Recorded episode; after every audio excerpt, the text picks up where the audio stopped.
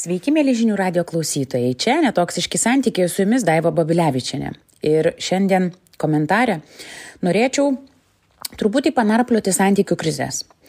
E, turbūt tikrai nėra nei vienam iš jūsų naujiena, kad santykių krizė yra santykių dalis. Aišku, kalbant apie emociškai sudėtingus, toksiškus santykius, tai tie santykiai turbūt yra kaip viena amžina krizė. Tačiau sveikuose, darniuose santykiuose krizė ateina pakankamai tyliai, bet jau kaip vožia, tai vožia kaip suplyta. Ir kodėl sakau tyliai? Nes labai dažnai mes ir nežinome, kokios, kokie požymiai yra santykių krizės ir ją pastebime tik tada, kai jinai jau yra įsibėgėjusi. Tad dalinuosi keliais krizės požymiais. Tai gali būti dažni ginčiai ar konfliktai dėl smulkių dalykų, arba net jausmas, kad negalite pasitikėti savimi santykiuose ir jūsų antroji pusė jumis nepasitikė. Ir čia nėra apie neištikimybę, bet apie tokį bendrą jausmą, kad, na, nebėra to atvirumo, nebėra pasikliovimo. Taip pat vienas iš požymių yra sumažėjęs arba išnykęs bendravimas tarpusavyje. Ir vėlgi, aišku, kuo ilgiau esam santykiuose, tuo atsiranda interesų už santykių ribų, bet sumažėjęs bendravimas labai daug įneša e, samyšio ir sumažina patį santykių e, tvarumą. E, sakykime, atima iš santykių net jų prasme, nes santykiuose mes ir turėtumėm bendrauti.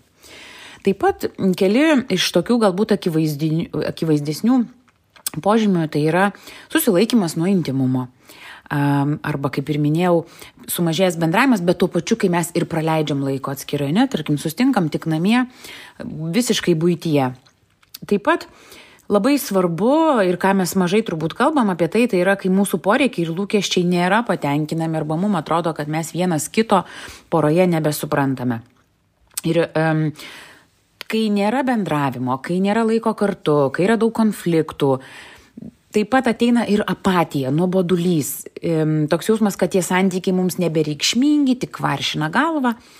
Ir visame tame burbule galiausiai ateina mintis, kad reikia kažką keisti santykiuose arba tiesiog juos pabaigti.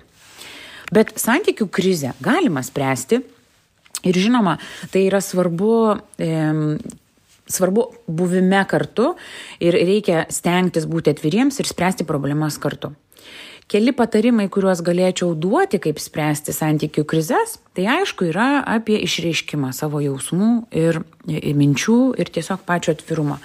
Reikia kalbėtis apie savo jausmus, mintis, reakcijas, nuogastavimus. Kartais santykių krizė ateina tik vienam žmogui. Nebūtinai tai yra dviem. Kitam atrodo viskas gerai, o vat antrai pusiai e, jau kažkokia tai krizė, jau kažkokios dviejonės kirba atkirminas viduje.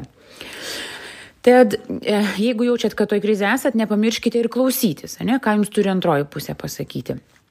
Vienas iš būdų išeiti iš krizės pasikalbėjus, aišku, yra bandymas ieškoti tų naujų bendrų interesų, bendrų tikslų, bendros kažkokios santykių ar ateities vizijos.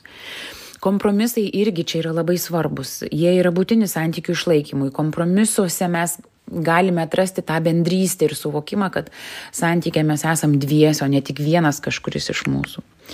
Būtinai priminkite savo, kad krizė gali būti tik jūsų galvoje ir mintise. Tarkim, galbūt um, turite sudėtingą emociškai sudėtingą laikotarpį darbe, galbūt jūsų sveikata šlubuoja, galbūt tiesiog esate depresyvus ir dėl to jums atrodo, kad šitie santykiai yra labai prasti ir nuolat ruminuojate apie tai. Na, Aišku, laiką praleisti kartu irgi galima ir idealu, jeigu pavyktų atitrūkti nuo būties, nuo indų plovimo, kambarių tvarkymo ar kažkokių tai būtinių šeimininių rūpeščių. Bet kartais dėja santykiai krizių neišgyvena. Tačiau raginu neprimti skubotų sprendimų. Ne visada skirtis yra geriausia išeitis, nebent santykiai yra tikrai emociškai žlugdantis. Pabandykite įsivertinti visus už ir prieš primdami bet kokį sprendimą ar gelbėti tuos santykius, ar visgi reikėtų sukti skirtingais keliais. Linkiu nepasiklysti sprendimų labirintuose ir susigirdėsime jau kitą savaitę. Čia buvo Daiva Babilevičiane ir netoksiški santykiai.